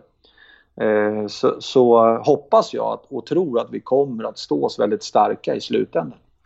Har du, eh, har du ssett fler matcher än de som eh, har varit sedan du, sen du tillträdde här eller hur har du? Hur mycket har du ja, sett? Ja, jag hade nog sett fyra matcher innan tror jag. Jag klev, klev på tåget. Mm. Hade jag gjort. Och, eh, jag tycker att det i många matcher har sett väldigt bra ut. Jag tycker att eh, vi har i, i... Problemet har varit att kanske spela bra i 3 gånger 20 minuter. Eh, lite samma fenomen som vi har haft i Djurgården tidigare också. Att få upp den här nivån som gör att vi håller eh, distansen ut. Sen är det så här, du kommer aldrig spela den perfekta matchen egentligen i 3 gånger 20 minuter. Men när du har dina dippar så får de inte vara så att de kostar alldeles för mycket. Det var lite det som hände mot Västerås. Att när dippen kom så kostade den två mål och så orkade man aldrig riktigt komma ikapp. Mm. Eh, så det är, väl, det är väl det vi behöver jobba ganska hårt med. Att, att få upp nivån, den lägsta nivån på alla spelare. Då, då blir det jobbigt att vinna över Leksand och då blir det jobbigt och svår, svårt att slå Leksand och, och, då får man också in mycket poäng på kontot. Eh, och när det kommer till ännu tajtare matcher så vet man att man är stabil och att man inte bjuder på så mycket. Om man har en hög lägstanivå så, så får man en ganska gott självförtroende i gruppen även om man ibland hamnar under med något mål eller någonting sånt. Det finns, finns ju några, några eh, klassiska klubbar som jag tror eh, har lite extra av det här att Djurgården kanske också är en sån att, och Leksand speciellt i Hockeysvenskan då det är många mindre klubbar att Speciellt när man gästar Leksand i, i, eh, i, eh, i just Leksand. Att knäppa just Leksand på näsan. Att man får liksom... Det, det, det, det tänds till lite extra i alla motstånd mot just Leksand. Och då krävs det lite mer av Leksand. Trots att man kanske möter ett lag i botten så... Det, det finns inget att ställa ut någon skridsko utan det är alltid hundra som gäller. Kanske ännu lite extra när man, när man bär just den skölden. I. Ja men det är klart att det är så och det var ju samma i, i Djurgården också att mm. alla ville slå Djurgården, så enkelt var det. Och alla höjde sig lite extra när det här eh, laget från storstan skulle komma och hälsa på. Och precis samma är det, är det för oss i Leksand. Att just den här känslan av att alla gör lite mer, lite extra när man möter Leksand. Det, det, jag håller fullständigt med, det är den känslan man får. Eh, kan också tycka, det här är ju liksom min egen eh, bild av då hur jag har levt eh, med Djurgårdens era och nu in med Leksand. Man blir alltid lite hårdare straffad bara för att man heter Leksand eller Djurgården. Blir man inte det? Är det inte alltid lite domaren är lite mera emot de här lagen? Eh, så att, eh, men det är lite mer skämtsamt sådär. Det är klart att det, det känns ibland som att alla lagen höjer sig några snäpp när man, när man spelar mot de här klassiska klubbarna som finns i, i, i Hockey-Sverige. Så att eh, absolut, det, det, man behöver göra lite mer, man behöver spela lite bättre varje dag när man tillhör Leksand. Så är det. Det är ju en fascinerande sport, eller människan generellt, att man kan ena kvällen åka bort och slå serieledande Oskarshamn med, med 7-4 och man känner att nu är vi på gång. Och sen så någon omgång senare så gör man säsongens sämsta insats lagmässigt och förlorar mot Panten hemma med 3-1. Ja, men, det är väl det som är också när man har med människor att göra. Det, det, oavsett vad man väljer att syssla med så, så fort det är, är varelser som fattar egna beslut och, och, och som påverkas av någonting. Det är, jag vet ju själv ibland varför gjorde jag dåliga hockeymatcher, vilket man gjorde ganska ofta. Så, så det påverkar ju. Ibland så Ja, det finns ju andra saker som påverkar. Det är ju inte så att man är någon robot som bara kan göra... Jag vet själv när under en period jag hade barn som hade kolik. Jag fick liksom inte sova. Och, alltså allting blir ju problematiskt. Du kanske bråkar med tjejen eller du kanske har problem med frun. Eller, alltså det händer så mycket i olika saker. Nu säger inte jag att det alltid är det som påverkar att man spelar bra eller dåligt. Men Eh, just att förstå att det är människor bakom det här som har ett liv som påverkas av olika saker som gör att prestationen går upp och ner. Eh, det, det, det, det är ju det som är en del av sporten. Det är det som är så häftigt också. Det är det som någonstans bygger det här som att Leksand kan slå ut ett Modo som rent spelmässigt är, är väldigt överlägset. Men det är människor, det händer någonting och i ena änden för Leksands del positivt, för Modos del negativt. Så, så att det, eh, det, det, det är grymt coolt alltså. Jag har tänkt på det många gånger. Jag tycker nästan lite synd om moditerna. De måste vara så irriterade på oss leksingar att vi åker, vi åker dit och skickar ut dem, åker upp en säsong, sen åker vi ur igen. Ja, ja, ja det, det, det, det, det, kanske, det, det kanske är så. Det, det sitter kanske som ett, som ett litet tagg i deras hjärta där uppe. Jag, jag vet inte. Det hade väl hade väl vi i Leksand i alla fall kunnat kanske stanna kvar eh, och hängt oss kvar så att de hade haft något att säga så här, ja vi åkte i alla fall ut mot Leksand som ligger i toppen av SHL. så att, eh, men eh, icke sa Nicke. Har du någon eh, relation sen tidigare med Leffe Karlsson?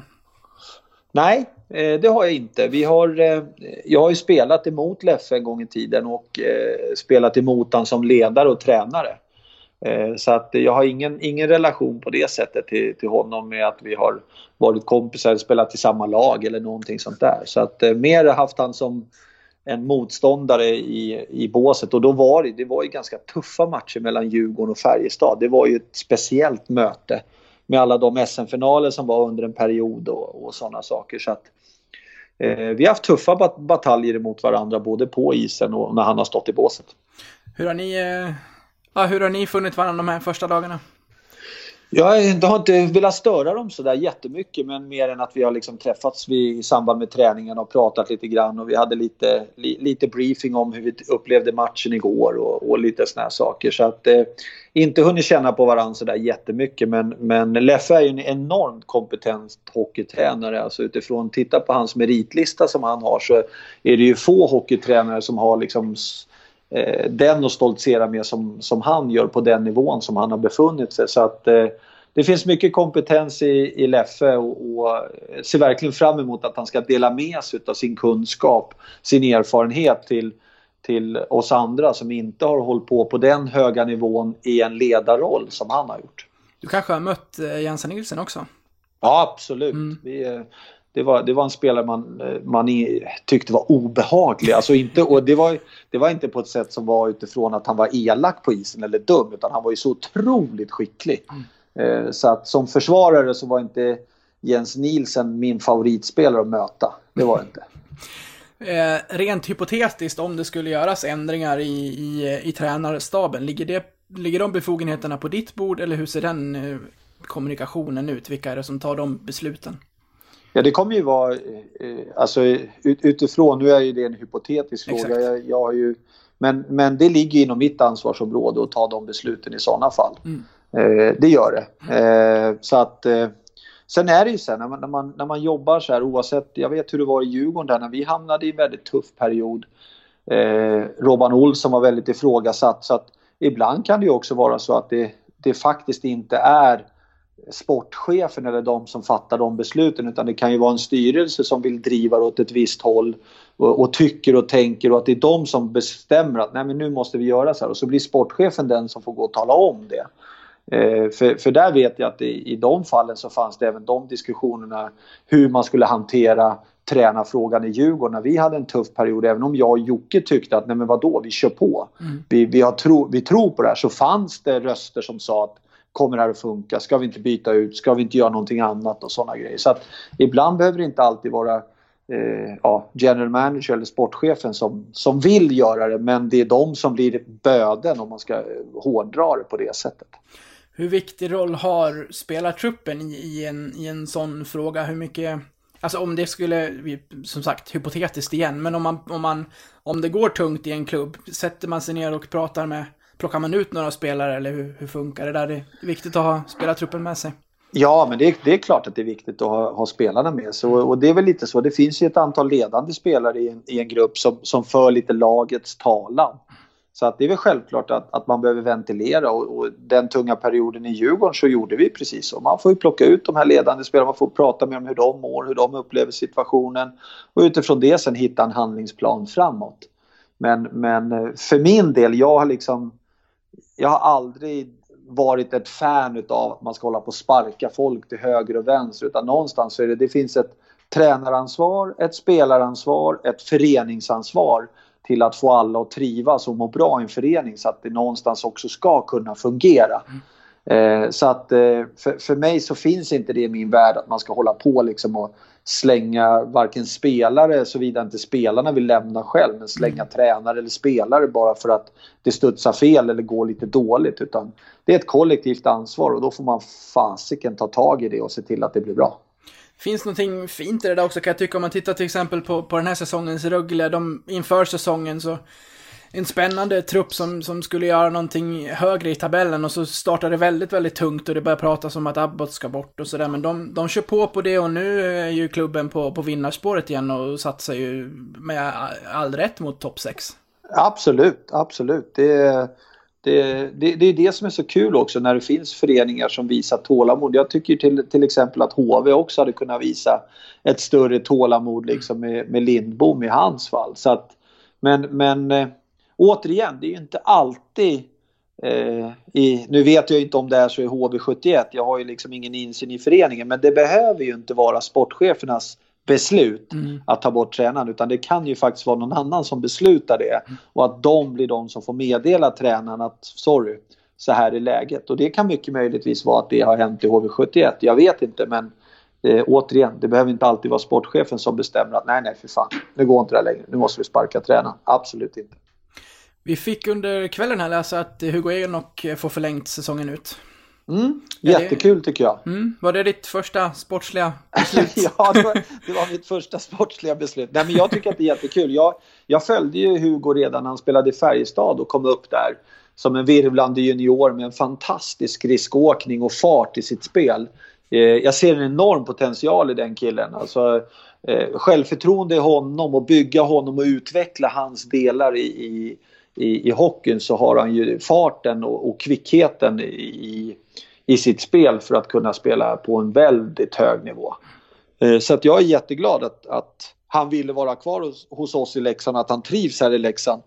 Eh, så att det, det känns jättebra. Mm, för det tycker jag att man har kunnat, det har han varit väldigt tydlig med i alla intervjuer han har gjort egentligen, att han har kommit in i gruppen på ett bra sätt, att han trivs väldigt bra. Mm. Och det är, det är en viktig faktor också. Det är ju, Eh, alltså att, att flytta till, till ett ställe oavsett, ibland kan det vara så att man flyttar till en storstad men man gillar inte storstan för att det är för mycket drag och för mycket liv och rörelse. Jag får aldrig vara i fred, det är grannar och det är så fort jag kliver ut är det kö och det bara luktar avgaser och, och sådär. Eller också flyttar man till Leksand och känner man så oh det här var litet, oh, det här trivs jag inget med. Så att det är jätteviktigt att det här funkar, det sociala också, att man kommer in i grupper, man trivs i stan oavsett om det är en liten stad eller stor stad. Så att eh, bara positivt att han har uttryckt det som att han också trivs att vara här. Ja, det var ju tyvärr då eh, tvärtom med det, med det sociala för Ben O'Connor till exempel här som, som lämnade tidigare under säsongen. Ja, jag, jag, vet ju inte riktigt hur, hur, hur turerna gick där. Det var ju lite före min, min, Mm. min tid. Men, men det man har läst i tidningarna har väl varit att det var det som inte riktigt stämde. Och, och så kan det vara ibland. Ja. Tyvärr är det så. Och någonstans oavsett vad. Det är människor man har att göra med och trivs inte människan då kommer det inte bli något bra resultat heller. Så att eh, extremt viktigt att man att man också trivs utanför rinken och att det funkar med de bitarna med familj. Har du barn så är det viktigt att det funkar för barnen och frun. Och, för det är någonstans det som sen kommer påverka eh, spelaren i form av hur han kommer att kunna prestera och leverera. Så, så att, eh, och då är det bättre, jag tycker att det är mycket bättre. Då är man ärlig och säger att nej men det här funkar inte istället för att man, man ska gå här och må dåligt i fyra fem månader bara för att jag behöver ha pengar eller att det är någonting sådär. För det hjälper ingen, det hjälper inte spelarna och det hjälper inte klubben. Så att eh, upp med det på bordet och vara ärlig så löser man det. Mm. Du senaste under, ja, under, under 2000-talet egentligen har det varit mycket upp och ner i, i divisionerna för Leksands del. Om man skulle, eller när snarare, när man tar steget upp igen, vad, vad är de viktiga liksom grundpusselbitarna att lägga för att man inte ska liksom vara, ja, åka ur igen efter en eller ett par säsonger? Vad, hur ska man, vad, vad är viktigt att tänka på i början? Eh, ja men det viktiga, det, det man har möjlighet eh, just här och nu, det som jag känner det är ju att bygga någonting som också ska vara hållbart när man tar klivet upp en division. Eh, Eh, så att eh, lägga den grundstenen tydligt, den planen, den strukturen i sitt spel som även ska hålla sen när vi spelar i SHL. Eh, så att utifrån det så, så finns ju den förutsättningen här idag. Sen är det självklart att första året och andra året, ofta är det så här, första året överlever många när de kommer upp och man liksom, ja man kan kriga sig kvar. Men det är sen år två, år tre när det verkligen man får bekänna färg när man tror att nu är vi, nu är vi klara här och nu kommer det är då man oftast får en jäkla käftsmäll tillbaks och så, och så hamnar man i, i problem. Så att, att bygga någonting som gör att man faktiskt kan etablera sig ganska snabbt. Det börjar med att man bygger en bra grund i det och det har vi alla förutsättningar att göra nu. Så att eh, uppgiften kommer ju vara att när vi, när vi väl tar klivet upp så ska vi vara röstade, eh, rustade för att, att faktiskt också kunna etablera oss. Och inte känna att vi blir ett jojo-lag som åker ut ena året och så händer det massa grejer och så upp året efter och så ur och sådär. Eh, men det handlar mycket om hur vi tränar varje dag, hur vi spelar, vad vi har för plan som ligger. Eh, ledarna, deras engagemang och driv i att utveckla individerna. Att bli en plattform för, för spelare att vilja vara i. Att Leksand ska vara en utvecklingsplattform för spelare. Hit kan jag komma, här blir jag en bättre hockeyspelare. Eh, det, det är sådana grunder som man behöver få på plats för att kunna verkligen etablera sig i SHL sen. En annan het potatis mellan SHL och Hockeyallsvenskan senaste tiden har ju varit det här med, med serieuppdelningen och hur systemet ska se ut. Jag tänkte säga hur mycket tid har du först innan vi kanske ska gå in på den, för den har ju, har ju verk, verkligen debatterats i, ja, inte minst sociala medier. Ja, jag, jag ska inte åka hem först på lördag så det är bara att tugga på. Det, vi, eh, nej men jag, jag har väl också, jag har ju alltid varit sådär, jag tycker att det systemet man har haft har funkat. Jag har liksom inte haft några betänkligheter kring, vi har väl historiskt sett om vi tittar, om vi skulle gå tillbaks 10-15 år så är det väl nästan ett lag varje säsong som har gått upp. Så att eh, jag tycker inte att det systemet man har har, har varit något problem. Eh, nu vill man göra den här med en direkt upp och nedflyttning. Ja, då, då, om, om folk vill ha det så, det kan hjälpa till att utveckla våran sport och att det lockar flera till arenorna, eh, så kör på det. Eh, det enda som jag kan tycka om man väljer den vägen, det är att jag tycker fortfarande att det ska finnas två möjligheter att gå upp. Alltså att det ska kunna vara två lag som tar sig uppåt i systemet, inte bara ett. Så då behöver man hitta ett system för att det, till exempel att lag 13 och 14 i SHL spelar om vilket ska, som ska ramla ur. Det laget som vinner den, om man ska säga, playout-finalen får möta det laget som förlorar den hockeyallsvenska finalen och så kanske man kvalar däremellan. Så att det blir liksom en direkt upp och nerflyttning med ett lag och så finns det en kvalmöjlighet för ett annat lag. Eh, då tycker jag, då, då har man väl landat in i en ganska skön och om Hockeysverige vill ha det på det sättet, ja. Vill Hockeysverige ha det så som det är idag, ja. jag har inga större problem med det heller. Kan se en liten risk ändå i Hockeyallsvenskan om det skulle finnas en, en, eh, en direkt uppflyttningsplats. Det är, ju, det är ju fascinerande och varje match skulle verkligen betyda så mycket. Men det, finns det inte en liten risk, du får slå ner det här om det är fel, men finns det inte en liten risk att det kommer komma klubbar som lägger verkligen alla ägg i en korg och kör och sen så kanske det skiter sig och så blir det väldigt jobbigt därefter? Ja, det kommer det definitivt att bli. Eh, har du läge att ta det där så kommer du riska din ekonomi för att verkligen nå den platsen. Och lyckas du inte då, ja då kan det vara godnatt för hela föreningen och så ramlar du rakt ner i division 3 eller 4. Så att det, den risken finns absolut, absolut gör den det. Du, på tal om sociala medier, vad, vad tycker du om eh, detta fenomen? Eh, nej men jag gillar sociala medier. Nu är jag inte, jag är ingen Facebook-kille, jag är ingen selfie-kille sådär så jag håller inte på och springer och, och kör massa sådana grejer. Men, men det, jag- det jag gillar med sociala medier är ju informationen. Eh, jag gillar att eh, jag använder kanske inte alltid Twitter framförallt till att skriva så mycket men jag följer extremt mycket folk och det är för att jag gillar att få mycket information. Eh, Så att eh, informationskanalen är, är fenomenal med sociala medier. Sen, sen finns det baksidor med det där. Jag fick ju till exempel stänga ner mitt Twitterkonto när jag var i Djurgården för till slut det gick liksom inte att ha det. Det var så mycket skit som haglade in på min, mitt Twitter-del så att jag, jag stängde av det och så skaffade jag ett anonymt konto istället så folk visste inte att det var jag som var ute och följde dem eller sådana där saker. Så att jag fick vara ett litet troll i några år eh, och, och, och synas, eh, höll jag på att säga, men att, att finnas där i bakgrunden för att ta del av all den informationen som jag ändå är väldigt intresserad av. Det var en av mina följdfrågor här om det under tyngre perioder. För ditt, ditt konto som du har nu, du är väldigt öppen där och aktiv och svarar på det mesta och sådär. En av frågorna var då förstås att det kan vara jobbigt också och lite tyngre. Men det, då, Ja, då det- fick du lov att stängas alltså. Ja, i, i den perioden i Djurgården där så fick jag lov att stänga för det, det, till slut så vart det liksom ohållbart. Eh, jag försökte och tänkte att jag, jag kan gärna svara så länge man liksom ändå är lite skön när man, när man, när man diskuterar med varandra. Men det finns ju en del osköna människor på Twitter, så, så enkelt är det ju. Och, det är inget, då blir det inget roligt, då kan jag lika gärna vara utan det. Så då stängde jag ner det och så skaffade jag ett annat konto och så följde jag dem jag ville följa. Eh, och, och, och fick min information på det sättet. Så att eh, det går att lösa på andra sätt. Jag hoppas ju att jag oavsett eh, vad som händer här i, i, i Leksand att jag faktiskt ska kunna ha kvar mitt Twitterkonto. Att folk ändå har en, en respekt för vad man skriver och tar ett ansvar för det man skriver och att det inte blir någon skittunna som man bara kan sätta sig och lägga världens bomb i och så tycka att livet är jäkligt roligt. För det, det är inte därför jag håller på med Twitter. Så att vi får väl se var, åt vilka håll det studsar. I värsta fall får man stänga ner det så får man väl ta, ta upp det andra kontot igen. Det har ramlat in en del nya blåvita följare på senaste tiden här. Ja, shit alltså. Jag börjar närma mig 5000 följare här så det är bara rassla ju till i min lilla kår. Jag gick väl ifrån, jag vet inte om jag hade typ 4700 eller någonting sånt där till nästan 5000. Det är bara sapang gjorde. Så att, ja, så kan det vara ibland. Hur, eh, hur fungerar du annars under, eh, under pressade situationer? Säg att Leksand, gud förbjude, skulle fortsätta och få en del nollpoängare här. När bör man agera? Vad, vad gör man? Nej, alltså nu är det en hypotetisk fråga i det här. Jag, jag, eh, jag är ganska cool i mångt och mycket. Jag, jag, försöker vara väldigt analytisk i, i det jag gör och när jag väl presenterar någonting så ska det vara någonting som är underbyggt och som det faktiskt finns en trovärdighet i. Eh, att, att bara springa och säga massa saker och svänga lite kappan efter vinden bara för att, det är inte min grej riktigt.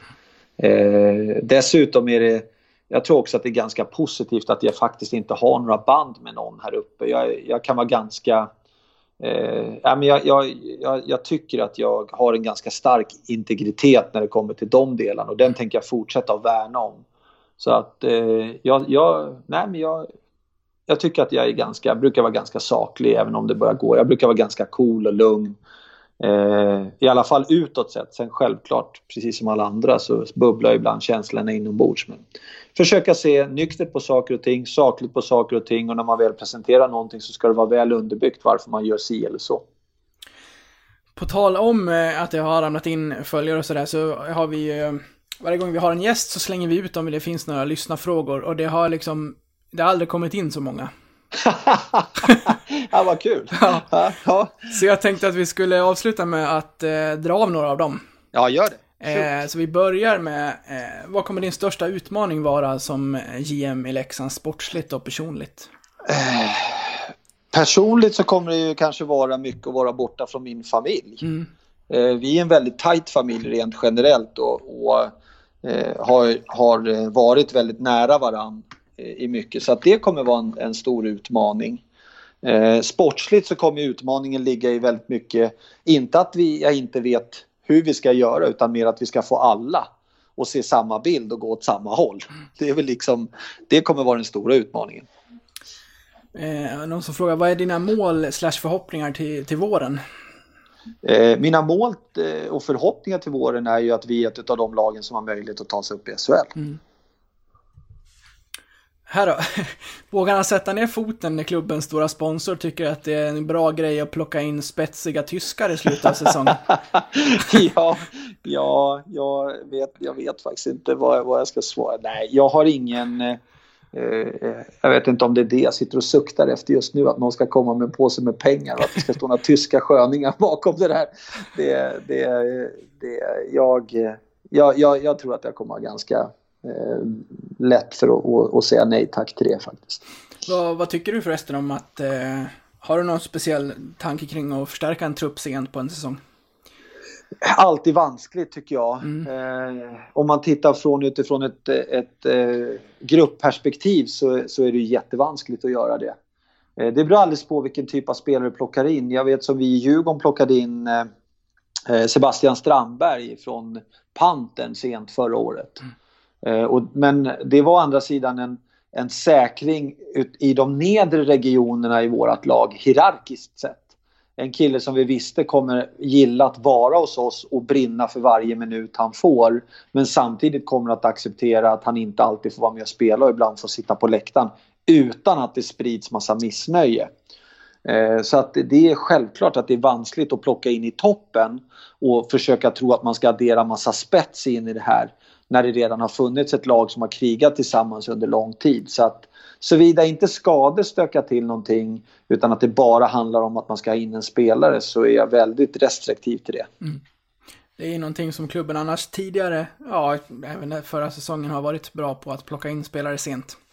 Ja, och, och, och någonstans är det väl så här, om, om man tänker sig så här att, att eh, gör du samma sak år efter år så varför ska du förvänta dig ett annat resultat? Nej. Det, det är liksom, du behöver göra något annorlunda, först då kan du förvänta dig ett annat resultat. Så att är det så att någon kommer där och tar ett beslut över mitt huvud och säger så här, vi ska göra likadant som förra året, ja då kommer det nog bli samma resultat. Mm. Här vet inte jag om det är, eh, om det är något internt. Serrano eller parmaskinka? Eh, oj, jag är nog lite för parmaskinka tror jag. ja. Var det min fru som hade skickat den? Jag vet Så random matfråga. Ja, ja. Vad har du för, är du duktig i köket? Ja, ja. Mm. Jag är grym i köket. Ja, eh, ja men det är jag. är faktiskt det. Jag, jag, I alla fall, nu kan jag inte säga att jag varit grym i köket här. Jag var faktiskt och käkade på Dalikalia ikväll för att jag kände att jag behövde eh, få, få lite annan typ av mat i mig. Men, men hemma är jag, gillar jag att vara i köket. Jag älskar att stå och laga mat. Och, och har väl fått faktiskt väldigt mycket godkänt av mina barn som är kanske mina största kritiker till när man lagar någonting. Så att, jag gillar köket, jag gillar att vara i köket och jag gillar att hitta på lite egna kombinationer. Det, jag tror aldrig jag har klarat av att följa ett recept. Inte ens när jag ska göra pannkakor så klarar jag av att följa ett recept. Så att, så att utifrån det så, så... Men det brukar bli bra ändå. I slutändan. Ja, men lite så. Alltså, det, det brukar smaka bra i slutändan i alla fall. Dalecarlia förresten, där kan man ju där kan man må bra.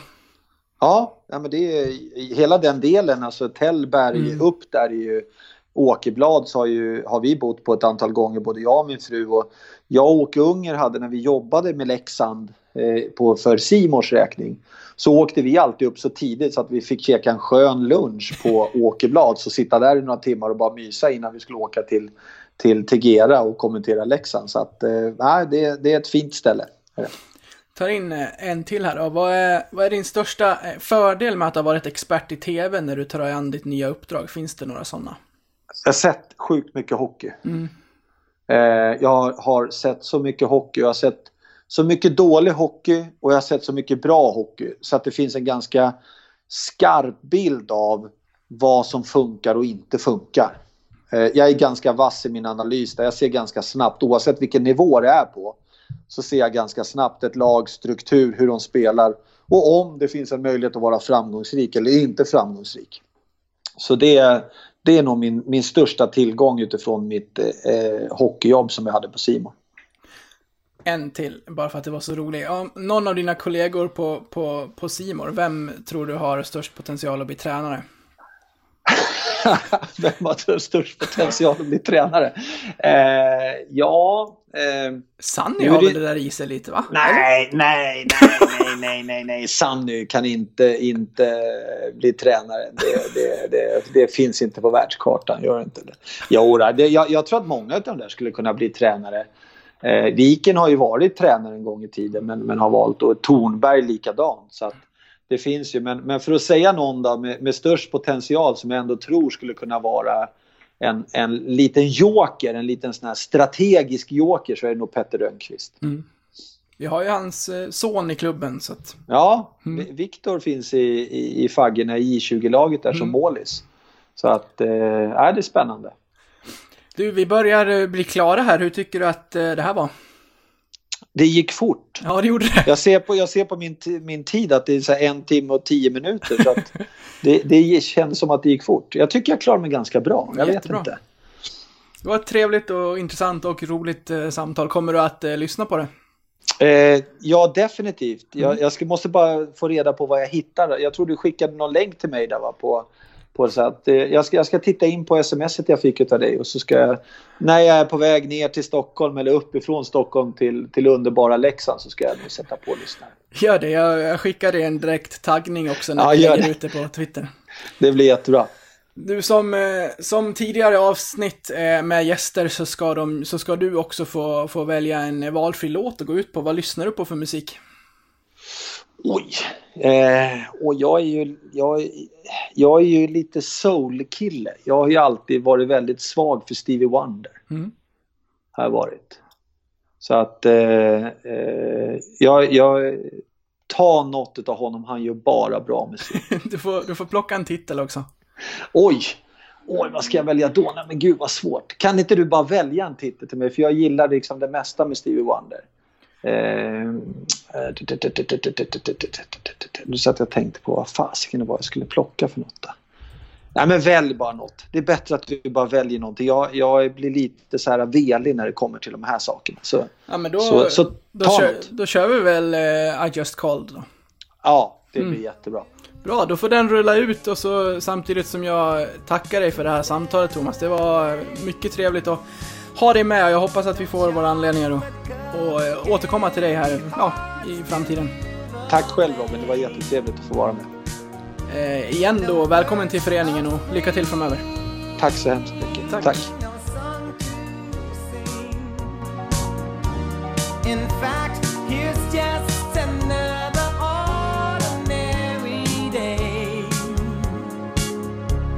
No April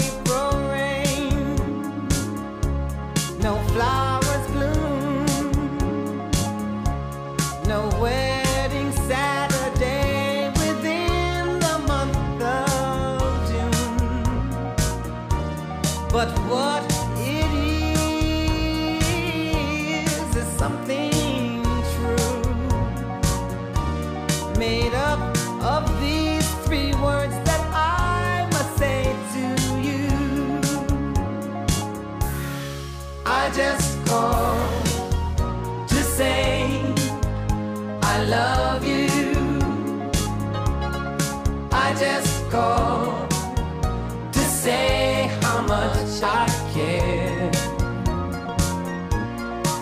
I just called to say I love you, and I mean it from the bottom of my heart. No summer's